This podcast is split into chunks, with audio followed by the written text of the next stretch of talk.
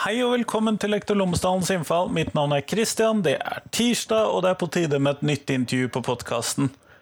Denne uken så snakker jeg med to kollegaer av meg ved Metis videregående skole. Monica Amundsen og Ambjørg Igland. Jeg snakker med dem om eh, elevlagde e-bøker, og hvordan det kan brukes som læremiddel, som vurderingsmetode, som eh, i det hele tatt undervisning. Vi snakker også om hvordan Erasmus eh, pluss-prosjekter og Erasmus-prosjekter kan være en uh, viktig, god skoleutvikling og lærerutviklingsvei, sånn at vi kommer inn på en del forskjellig i løpet av dette intervjuet. Etter intervjuet så får du høre meg snakke om uh, ukens Tenketorsdag-post, som var 'Hva er det kontroversielt å undervise om i skolen?' Det kommer etter intervjuet. Men aller først nå så skal jeg bare fortelle at eh, podkasten er fremdeles sponset av Cappelen Dam Undervisning. Og vel, Inne på skolen.cdu.no så kan du finne alle de oppleggene som eh, Cappelen Dam har laget i forbindelse med fagfornyelsen, til alle temaer, alle fag, alle mm, tverrfaglige emner. I det hele tatt, det finner du på skolen.cdu.no. Og det er mulig at skolen din allerede har tilgang, så gå inn og sjekk, hvis ikke se om du kan finne en sånn prøveperiode, sånn at du får testet det ut. Det tror jeg du vil sette pris på. Skolen.cdu.no, altså. Men her, her kommer det intervjuet med Monica og Annbjørg. Vær så god.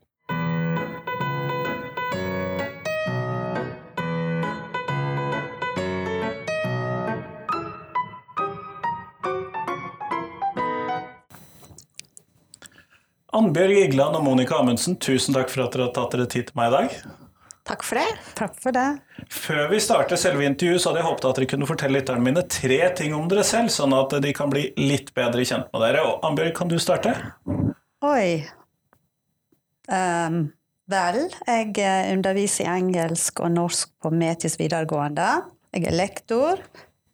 Og jeg har stilling som leder for internasjonale prosjekt. Og der er vi jo ganske aktive med Erasmus-prosjekt nå. Rett og slett de tingene vi skal prate om i dag? Ja. Og en tredje ting bodd og jobba veldig mye i utlandet. Eh, og etter jeg kom tilbake, så har jeg vært på Metis. Og da tror jeg siden 2007. Kjempeflott. Monica? Ja, nei, jeg jobber jo på Metis videregående, jeg også. Og jeg har eh, jobbet masse med Annbjørg både på denne skolen og på Bergen yrkesskole etter på den tiden. Og jeg jobba som lærer. Nå prøvde jeg å tenke på hvor mange år det var. men Jeg begynte i 99, da. Men jeg kan ikke skjønne det, for jeg føler meg ikke så gammel. Men eh, ja. Jeg jobber som eh, kjemi- og naturfagslærer. Ja. Kjempeflott. Eh, dere har vært med på en bok som heter 'Transforming Teacher Education with Mobile Technologies'. Og da lurer jeg på, hva er det dere har skrevet om i denne boken? Eller det er vel et kapittel i denne boken? Ja, med utgangspunkt i en del sånn case studies som vi har gjort med elevene våre, både engelsk og kjemi, hvor vi har jobbet med mye sånn elektroniske eller e-bøker. Eh, mm. Og ja, nå begynte vi da med det prosjektet her? Det må jo ha vært eh, ja, det er litt lenge siden ja. da, men eh, Prosjektet Altså, det, det, var jo i forbindelse med et Erasmus pluss-prosjekt, det òg. Og det prosjektet heter MTTEP og var ledet av Universitetet i Hall. Og det prosjektet gikk på tvers av universitet og videregående skoler i mange forskjellige land. Og det var vår første erfaring med Erasmus pluss-prosjekt her på Metis. Og i den forbindelse så, når prosjektet var slutt etter tre år, så led, lederen for prosjektet, eh, Kevin Burden fra Universitetet i Hall, og noen samarbeidspartnere, eller han sammen med oss, vi som hadde vært med i prosjektet, vi skulle bidra i den boken med ulike kapittel. Sånn at eh, Metis meg og Monica, vi bidro med ett kapittel. Ja, vi jobba jo med eh, dette prosjektet i tre år, ikke mm. sant? Og vi eh, ja, I det prosjektet så ble det bl.a. utvikla en sånn toolkit, en sånn verktøykasse med ulike digitale hjelpemidler, eller sånn mobile hjelpemidler. Eh, og så prøvde vi ut noen av disse på elevene, da, for det var både universitet og så var det skoler. Så skolene de bidro med case-studier. Eh, og, eh, og så var det jo først og fremst e-bøker vi eh, jobba med. Elever, og det var, det var, nytt for oss. At elevene fikk lov å lage e-bøker. Og for å kunne gjøre det, så måtte de ha iPader. Og det kjøpte skolen inn, da. Eh, men nå kan alle jobbe med e-bøker på Mac. Og de e-bøkene, de var jo et sånt hva skal jeg si kjempebra alternativ til det tradisjonelle powerpoint-presentasjoner, fordi de fungerer som et eget produkt selvstendig. Eh, så egentlig både som skriving og visuelt. I motsetning til en powerpoint for eksempel, som bare et verktøy som du bruker i forbindelse med en muntlig presentasjon. Så e-bøker de er jo, det er jo bøker som kan redigeres. Og men elevene lager da sine egne bøker mm. i fagene innenfor et eller annet tema som de da får beskjed om? Ja, altså vi bruker det litt forskjellig. For det jeg har jo eh, bruker det jo i kjemiklassen. Og da har vi liksom Vi bruker både e-bøker til å skrive eh, rapporter fra forsøk, men som inkluderer mye film. Og Eh, ja, For det er litt lettere å få til den type ting enn i et vanlig Word-dokument? da? Ja, og så er det noe med når du skal gjøre praktiske forsøk som du også kan få på eksamen eller på praktiske prøver, så er det jo mye enklere å se det enn å beskrive det. Så når de eh, filmer det de gjør, og forklarer, så er det et bedre hjelpemiddel i forhold til en tekst som de skriver. Det er vanskelig å forklare avstand og fart og farge og eh, Om det er den ene ja. eller den andre nyansen av blå, liksom? Ja, og tidsperspektiv og så videre. Og utstyr. Eh, så i hvert fall er det et eh, nyttig hjelpemiddel, men i tillegg til tradisjonelle rapporter og Det er jo ikke et ja. Eh, ja, det er et supplement, vil jeg si, da. Ja, det, det, er jo ikke for å erstatte lærebøker, men du kan faktisk ha et eh, opplegg der du får elevene til å lage sin egen eh, lærebok. Fordi at når du har en papirutgave av en lærebok, så blir jo den utdatert ganske fort. Det er mye som faller bort veldig med en gang. Mens en eh, e-bok, så for eksempel eh, så kan du gå inn og redigere, du kan gå inn og fylle på. Og når Monica snakker om filming, så er det jo fordi at eh, i den appen Book Creator, som nå òg er på meg, så er det jo både kamera og det verktøyet du egentlig trenger. da. Eh, og eh, da kan du jo legge inn filmer inni e-boken, og så kan du legge inn masse forskjellig som er digitalt, heller enn sånn som det er en papirutgave. sant? Og så er det, er det jo òg det at elevene kan da gjøre den boken personlig og være veldig kreativ og Det kan jo ofte mangle i en del av skolefagene og hvordan vi leverer. Men i hvilke fag er det du har brukt, Annbjørg? Engelsk. På internasjonal engelsk, altså programfag engelsk. Ikke bare internasjonal engelsk, men tredjeklasse engelsk òg. Og det som jeg liker spesielt, det viser at jeg får starte på internasjonal engelsk, som er på VG2. For da blir de ganske gode. Eh, og så fortsetter i eh, VG3, og så blir de bare kjempegode. Sant? Og vi var jo i London i forbindelse med å lage e-bøker. Og da hadde jo jeg elevene på uh, Westminster. Det var jo rett midt i den heiteste brexit-debatten uh, En spennende tid å være akkurat der på. ja. Så elevene sant, intervjua folk på gata og brukte mobilen. Og så redigerte filmen med iMovie-appen, og så legger de det inn i e-bøkene. Så det er jo ypperlig, egentlig, med e-bøker vi at for at elevene kan være kreative.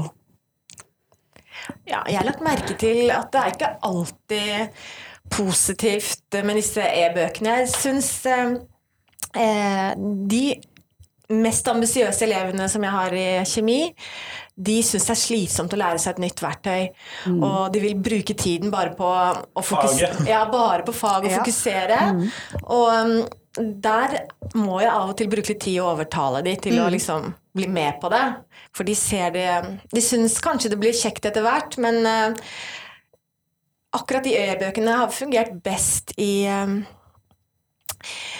Kanskje i naturfag i, eh, på VG1. Mm.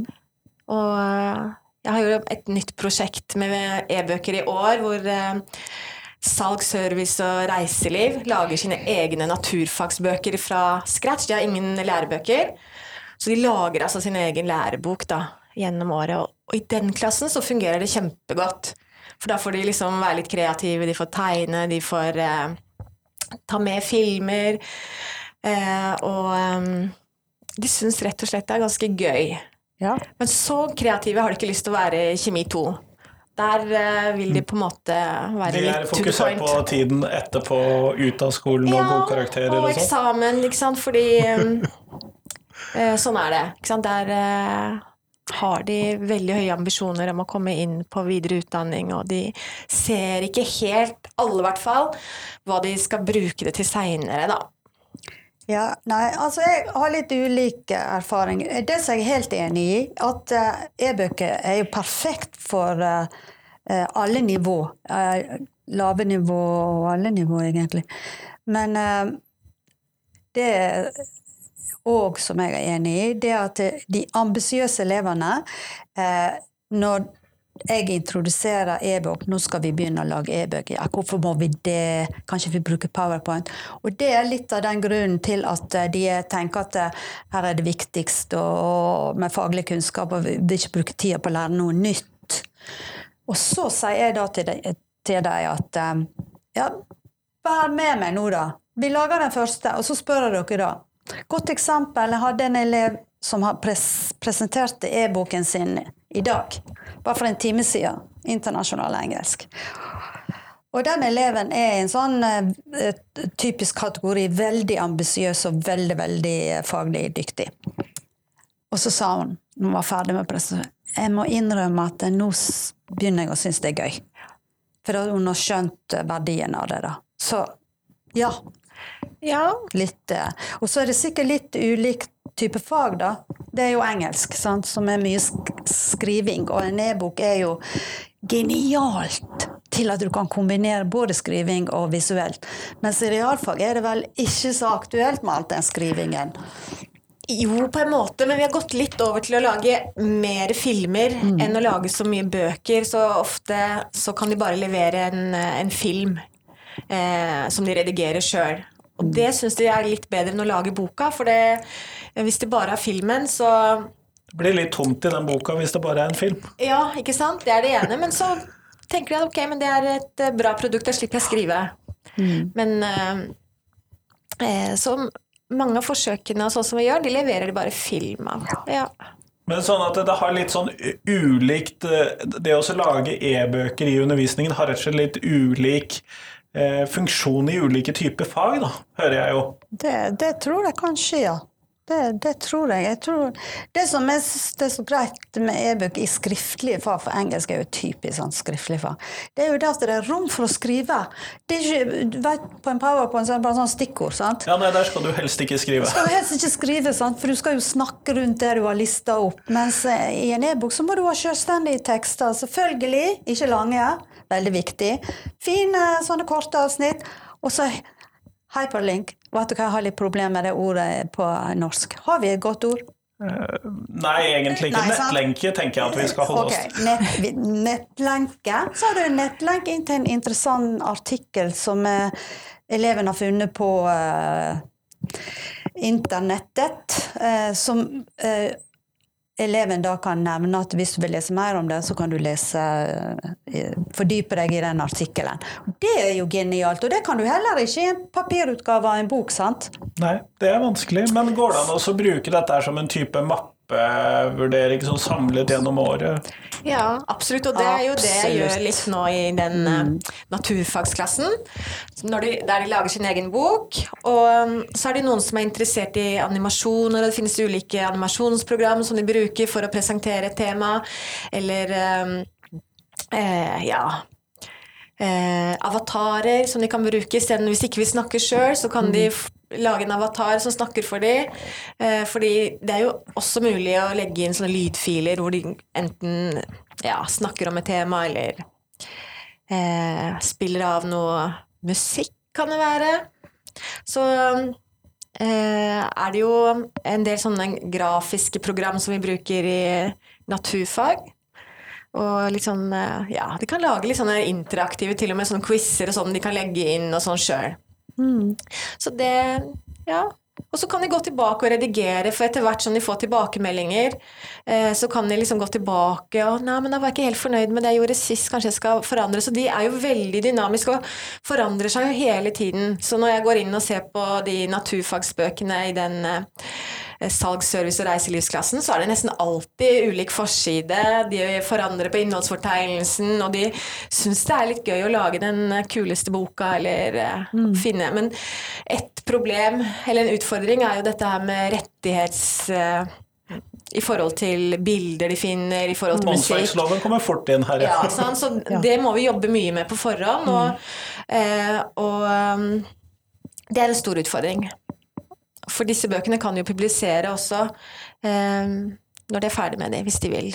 Men da må alt være helt eh, på stell. Og det er viktig fordi at i Erasmus-prosjektene som vi har vært i, og som vi skal, er inne i nå, eh, så er det jo viktig at vi får anledning til å publisere elevarbeid når vi bruker elevarbeid. Eh, vi bruker jo elevene som case study, sant? Det blir jo veldig viktig.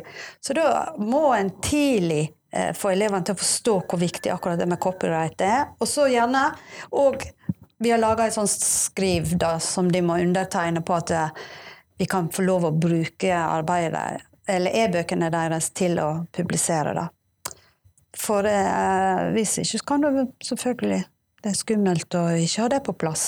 Det er det. Men hvis dere da skulle eh, Hvis vi da tenker oss noen andre lærere, litt avhengig av, uavhengig av hvilket fag og hvilket alderstrinn og sånn de er på, men er det noen sånne særlige råd som dere tenker at de bør tenke på hvis de skal dra i gang et sånt prosjekt med Var det Book Creator det het? Ja, det er Book Creator, den appen. Ja, det finnes jo veldig mange ulike sånne Ja, det finnes helt sikkert e-bøker, en men, eh, evig alternativrekke her.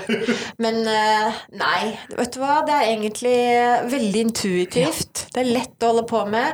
Eh, De lærerne som eh, Det er mange andre lærere her som har begynt å bruke det lite grann. Eh, Og ja. Jeg har en avtale med en lærer, engelsklærer, som Jeg har tenkt at nå skal jeg bruke det ikke bare som case study i Rasmus-prosjekt, men at alle elevene skal bruke det. Og hun vil gjerne gjøre det samme i parallellklassen som hun har. da. Så det er jo litt av vitsen med Rasmus-prosjektet òg, at eh, når vi tester ut ting og sånn, så vil ikke vi bare sitte her og bare vi jobber med det. Meg og Monica og William er jo veldig involvert òg, sant. Og så skal liksom hele resten av skolen holde på med sitt. Det er jo om å gjøre for å spre det ut. Sant? Men hva tenker dere, og det er jo litt det andre temaet som vi skulle innom i dag, og det, hva tenker dere er verdien for en skole da, å være med på et sånt Erasmus pluss-prosjekt? For det tenker jeg jo eh, er et helt eget punkt i seg selv. da. ja, verdien for skolen Eller for eh, de lærerne som er med, kanskje først. Ja, jeg syns jo det er enormt givende, og det er jo en av de beste tingene med å være lærer generelt, er jo at man har disse mulighetene både til å jobbe på tvers av skoler innad i byen eller innad i Norge, men også på tvers av eh, landegrenser. Og det er jo kanskje noe av det viktigste vi holder på med, i hvert fall. Det med, eh, med å møte andre. Og da blir man litt sånn når vi er ute på tur og reiser. Vi har vært eh, var i Tyskland, og der hadde de fortsatt datarom til elevene. For Det har vi gått bort ifra, i hvert Det har vi fall. gått bort ifra for, for lenge siden. Og da er vi faktisk eh, ganske langt eh, framme når det gjelder disse teknologiene, da. Selv om man kanskje ikke skulle tro det alltid. Men eh, Ja, Norge er langt fremme. Men hva tenker du, Ambjørg, er det sånn viktigste, for, eh, sånn viktigste grunnen til å skulle ha sånne Erasmus pluss-prosjekter? Det er flere perspektiv her, tenker jeg. Det er, altså, hele ideen bak et Erasmus Pluss-prosjekt er jo at eh, For det er jo, jo EU-midler, sant. Eh, Så det hele ideen er jo det at en skal jobbe på tvers av landegrenser. Eh, For at eh, vi skal kunne sammenligne utdanningssystem, eh, forståelse, alle disse her sånn menneskelige Altså at vi skal kunne jobbe for fred og utvikling på tvers av landegrenser. Alle disse er FN-målene ligger jo i, i Erasmus-prosjektene. Så det eh, Transnasjonale, var det et dårlig norsk Nei, uttrykk? det tror jeg er et godt ord. Ja, et kjempegodt ord. Det er jo veldig viktig. Og så eh, eh, Her på skolen så tenker jeg at eh, det er veldig viktig at det blir eh, eh, en del av skoleutviklingsprosjekt. At ikke det blir sånn at det Og det er det ofte som er litt utfordring, da. For at vi får tildelt midler, og så er vi noen få lærere som jobber med det her.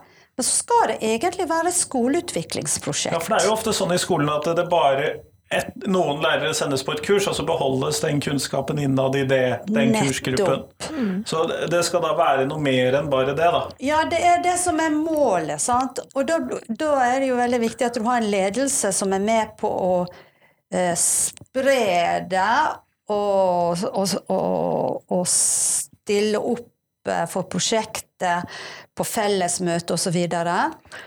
Um, Ja, For man må jo få den kunnskapen, da, eller den erfaringen ut i kollegiet, da er vel Du må kanskje få det tanken. ut i kollegiet, og det jobber jo vi med. Men det, eh, jeg må innrømme at det kan være en utfordring. Men nå har vi fått ja til et prosjekt som vi skal være Vi skal ikke lede det, men vi skal være partnere i det. Som faktisk hele prosjektet går ut på på disse her FN-bærekraftmålene, som passer veldig godt inn i fagfornyelsen med de tverrfaglige målene. Og det er satt opp slik at eh, vi kan involvere veldig mange lærere eh, fra Ikke bare prosjektgruppen. Eh, nettopp! Og du kan f.eks. være med. Det er ett mål som går på det med demokrati, og, der, og det skal være to lærere og fire elever med på hvert av de seks målene. Nettopp. Det blir et ganske stort prosjekt, Det blir et ganske stort prosjekt, og så går det over to-tre år. sant? Og så er det ett tema i tur og orden.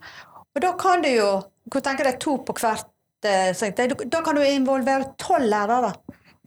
Og det er jo fantastisk for å spre ut i ja, så, ja, så tenker jeg det hvis man skal være med på sånne prosjekt som lærer, så må man jo ha litt ekstra tid. For det er jo ikke sånn at det blir satt av tid Det er ikke det du bør gjøre første året ditt ute i jobben, hører jeg. Nei, og så er det du må, du må finne tid til det mellom undervisning og forberedelser og rettinger og sånt noe, så du må jo ha engasjementet sjøl for å få noe utbytte av det, da. Så eh, det er ikke for alle, kanskje.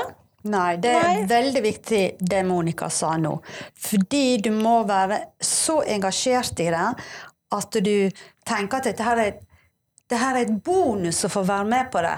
Og da er du villig til å ta av fritida di da, til det. Men eh, hva er det som motiverer? Jo, vi kan jo bare si at det å reise, det er jo fantastisk, sant?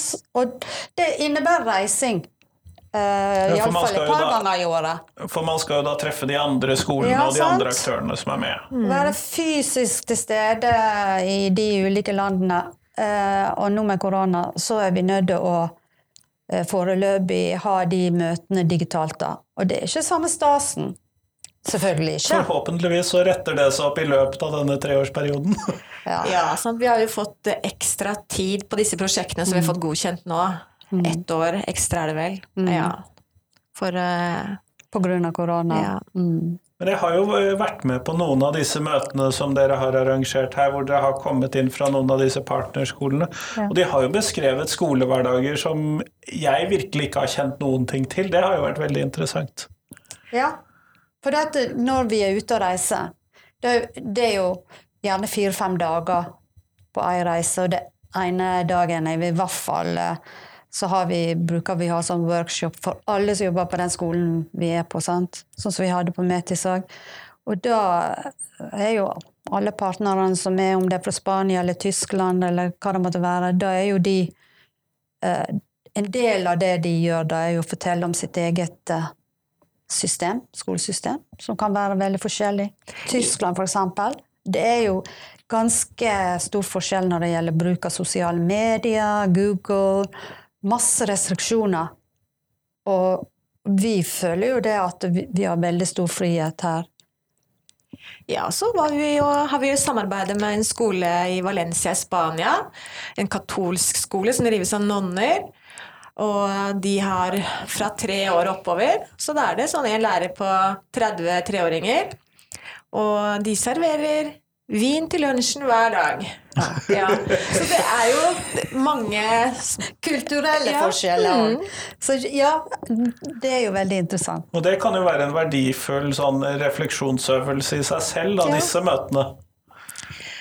Ja, nei, det er uh, utrolig spennende. Og så er det det med arbeidstid i uh, Altså, det er jo først når vi drar ut at vi merker hvor bra vi har det her i forhold til arbeidstid og eh, avspasering og så videre. Så sånn sett så setter man jo mer Sorry. Der i Men eh, tenker, hva tenker dere hvis man som eh, lærer, eller sånn en gruppe med lærere på en skole, er det er dette noe man bør prøve å få til, tenker dere? Hva tenker du? eh, Eh, Nei, altså Få til et Erasmus Prus-prosjekt på en skole, hvis man eh, er ute på en skole. Absolutt, men det jeg tenker først om det, det er at man kanskje bør være en, en partner først, og ikke lede et prosjekt. Fordi at det å lede et prosjekt krever at man skal skrive søknader, og det kan jo Annbjørg si litt om akkurat den delen, det med Men det krever vel en del erfaring, hører jeg. ja. Ja. Jeg, jeg tror det som er viktig eh, altså Metis, når jeg begynte her, var ikke in, involvert i eh, internasjonale prosjekt. Og jeg husker det var en av de tingene jeg spurte om, om det kunne være aktuelt. Og da var svaret at nei, vi er så ny skole at nå må vi først komme oss på, så får vi se etter hvert. da. Eh, så jeg har jo hatt det i bakhodet helt siden jeg begynte her. Men eh, det som Altså, det er veldig viktig at du har en ledelse på skolen som støtter eh, både eh, mentalt og, og ikke minst økonomisk. Fordi du får jo midler fra EU. Men de midlene eh, dekker ikke alt. Så du må òg ha en, en ledelse på en skole som er innstilt på å betale litt mer enn de midlene, tenker jeg. Og det har vi goodwill på her på Metis. Det er utgangspunktet. Og så har jeg fått eh, stilling eh, som gjør at jeg har ressurs til å kunne ta meg av søknader, rapportering og sånn. Det lønner seg for skolen å starte som partner, hører jeg. Ja. Og, og eh, da vi begynte, da var det bare ett prosjekt. Det var MTTP-prosjektet. Nå har vi plutselig eh, to prosjekt på gang, og kanskje det tredje, som der er en søknad ute. Eh, Universitetet i Hull i Storbritannia de har søkt nå, men vi vet ikke om vi får ja. da. Og da vil, vi plutselig få tre prosjekt. Så, så eh, og det går fint an å ha. Det går an å ha både tre og fire prosjekt, men du må ha en person som har kontrollen med søknader og eh, kommunikasjonen og koordinere alt det her. Noen må holde ballen. Ja, noen må holde Ja, ballen. for det er jo enormt med byråkrati. Sant? Og det å skrive rapporter og søknader er jo en, nesten en heltidsjobb eh, i perioder. Og så underveis så skal du òg følge opp eh, plattformer som ligger sånn EU-plattformer som heter Mobility Tool. Eh, Så det er ikke bare søknader og, eh, og rapportering, det er òg det at du skal eh, Alt som blir gjort på utenlandsreise og alt sånt. De skal legges inn etter hvert. sånn at du Men det er mye hjelp å få av eh, Diku. Diku er veldig flinke å hjelpe oss, og de er jo i Bergen. Ja, det, jeg har vært og snakket med de også en gang tidligere, men om elevutveksling. Ja. Ja. Så man må jo Men jeg anbefaler jo å være, eh, være med som partner først. Men eh, jeg vet ikke hvor mange det er som får eh, ja på søknad. Hvor mange prosent, vet du det, Ambjørg? Jeg tror sist vi søkte Nå har jeg ikke fått noen prosent på den her, for det varierer etter hvor mange som søker sånn, så jeg vet ikke. Men forrige gang vi søkte Vi søkte jo et prosjekt for tre år siden som nå er avslutta. Da var det 28 som fikk ja. Så det er relativt greie sjanser, da. Det er ikke snakk om nede på under 10% liksom. Men eh, det er jo likevel et nåløye å komme gjennom. Du må Ja. virkelig ha gode søknader. Så får du sånn poeng, da. For hvor høyt oppe fra Ja, ja, de må jo ha en rangering som er relativt ja. objektiv. Ja. Annbjørg, hva er det du tenker er verdien for skolen da, til å drive med den slags prosjekter og gi noen lærere litt ekstra tid og ressurser til å nettopp være med på den typen prosjekter? Jo, det er jo sånn at eh, foreløpig i hvert fall så er det fritt skolevalg, og i videregående så er det stor konkurranse om elevene i sentrum av Bergen. Og eh, jeg tror at det at en eh, skole kan vise at de holder på med internasjonale prosjekt, og Erasmus pluss-prosjekt har jo egentlig eh, veldig stor prestisje.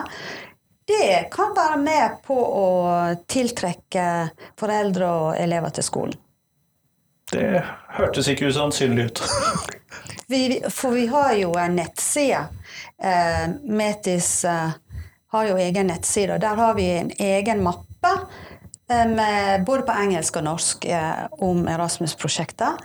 Og der kan jo òg utenlandske, altså foreldre f.eks. For som eh, ikke snakker norsk, eh, innvandrere til Norge, da forstår de hva det går i, og hvis at eh, Det viser et perspektiv ved skolen. Viseperspektiv i skolen, rett og slett. Og utenlandske partnere som vil være med i Erasmus-prosjekt, finner oss jo da på nettet. Eh, fordi at eh, de har en engelsk versjon, sånn at de forstår at vi er aktive med Erasmus-prosjekt. Så da blir de jo interessert i å ha oss med som partnere, f.eks. Jeg kom på en, ting som jeg har lyst til å nevne til slutt. og det er Hvis noen er interessert i å holde på med dette, så må de gå inn på en plattform som heter eTwinning. Og vi søkte jo etter partnere der eh, for et halvt år siden, og da kom det inn hundrevis av forespørsler fra andre skoler rundt omkring i hele Europa. Så det er lett å finne partnere. Så det er et tips til eh, hvis noen har lyst til å prøve litt. Og den, på den e-twinning-plattformen så er all informasjon om ulike typer prosjekt. Vårt òg. Nei, men Kjempeflott. Tusen takk for at dere tok dere tid til å snakke om dette i dag. Jo, bare hyggelig.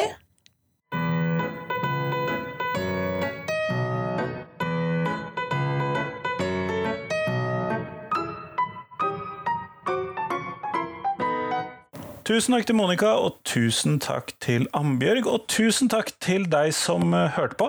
Eh, Nå er det snart jul. Jeg håper at eh, du koser deg med det. Jeg er i hvert fall inne i den siste innspurten før jul, og det er jeg veldig glad for. Jeg tror jeg kommer til å droppe all retting fram til etter jul. Men nå så skal jeg fortelle om hva som kom inn av respons på Tenketorsdag-posten om hva som er kontroversielt å undervise om i skolen.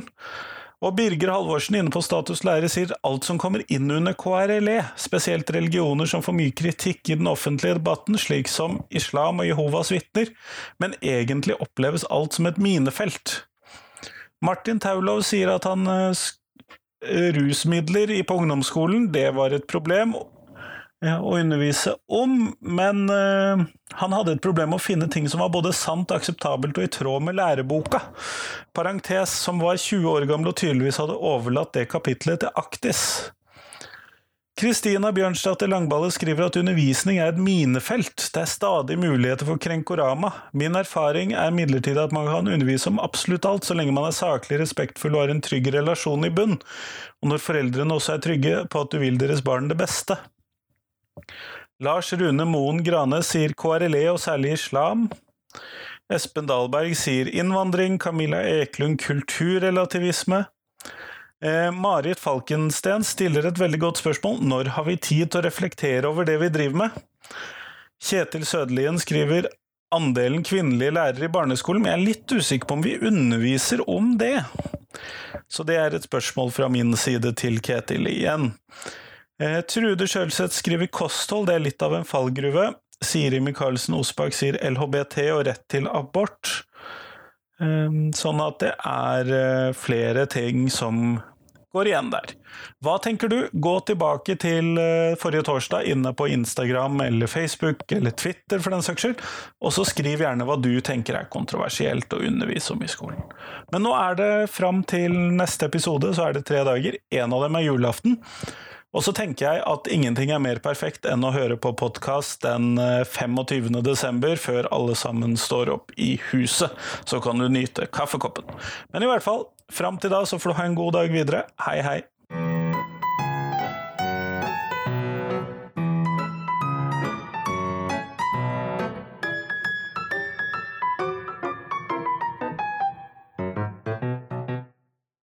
Husk at eh, jeg trenger tips om hvem som jeg kan ha med på podkasten. Det hjelper utrolig mye. Vi høres!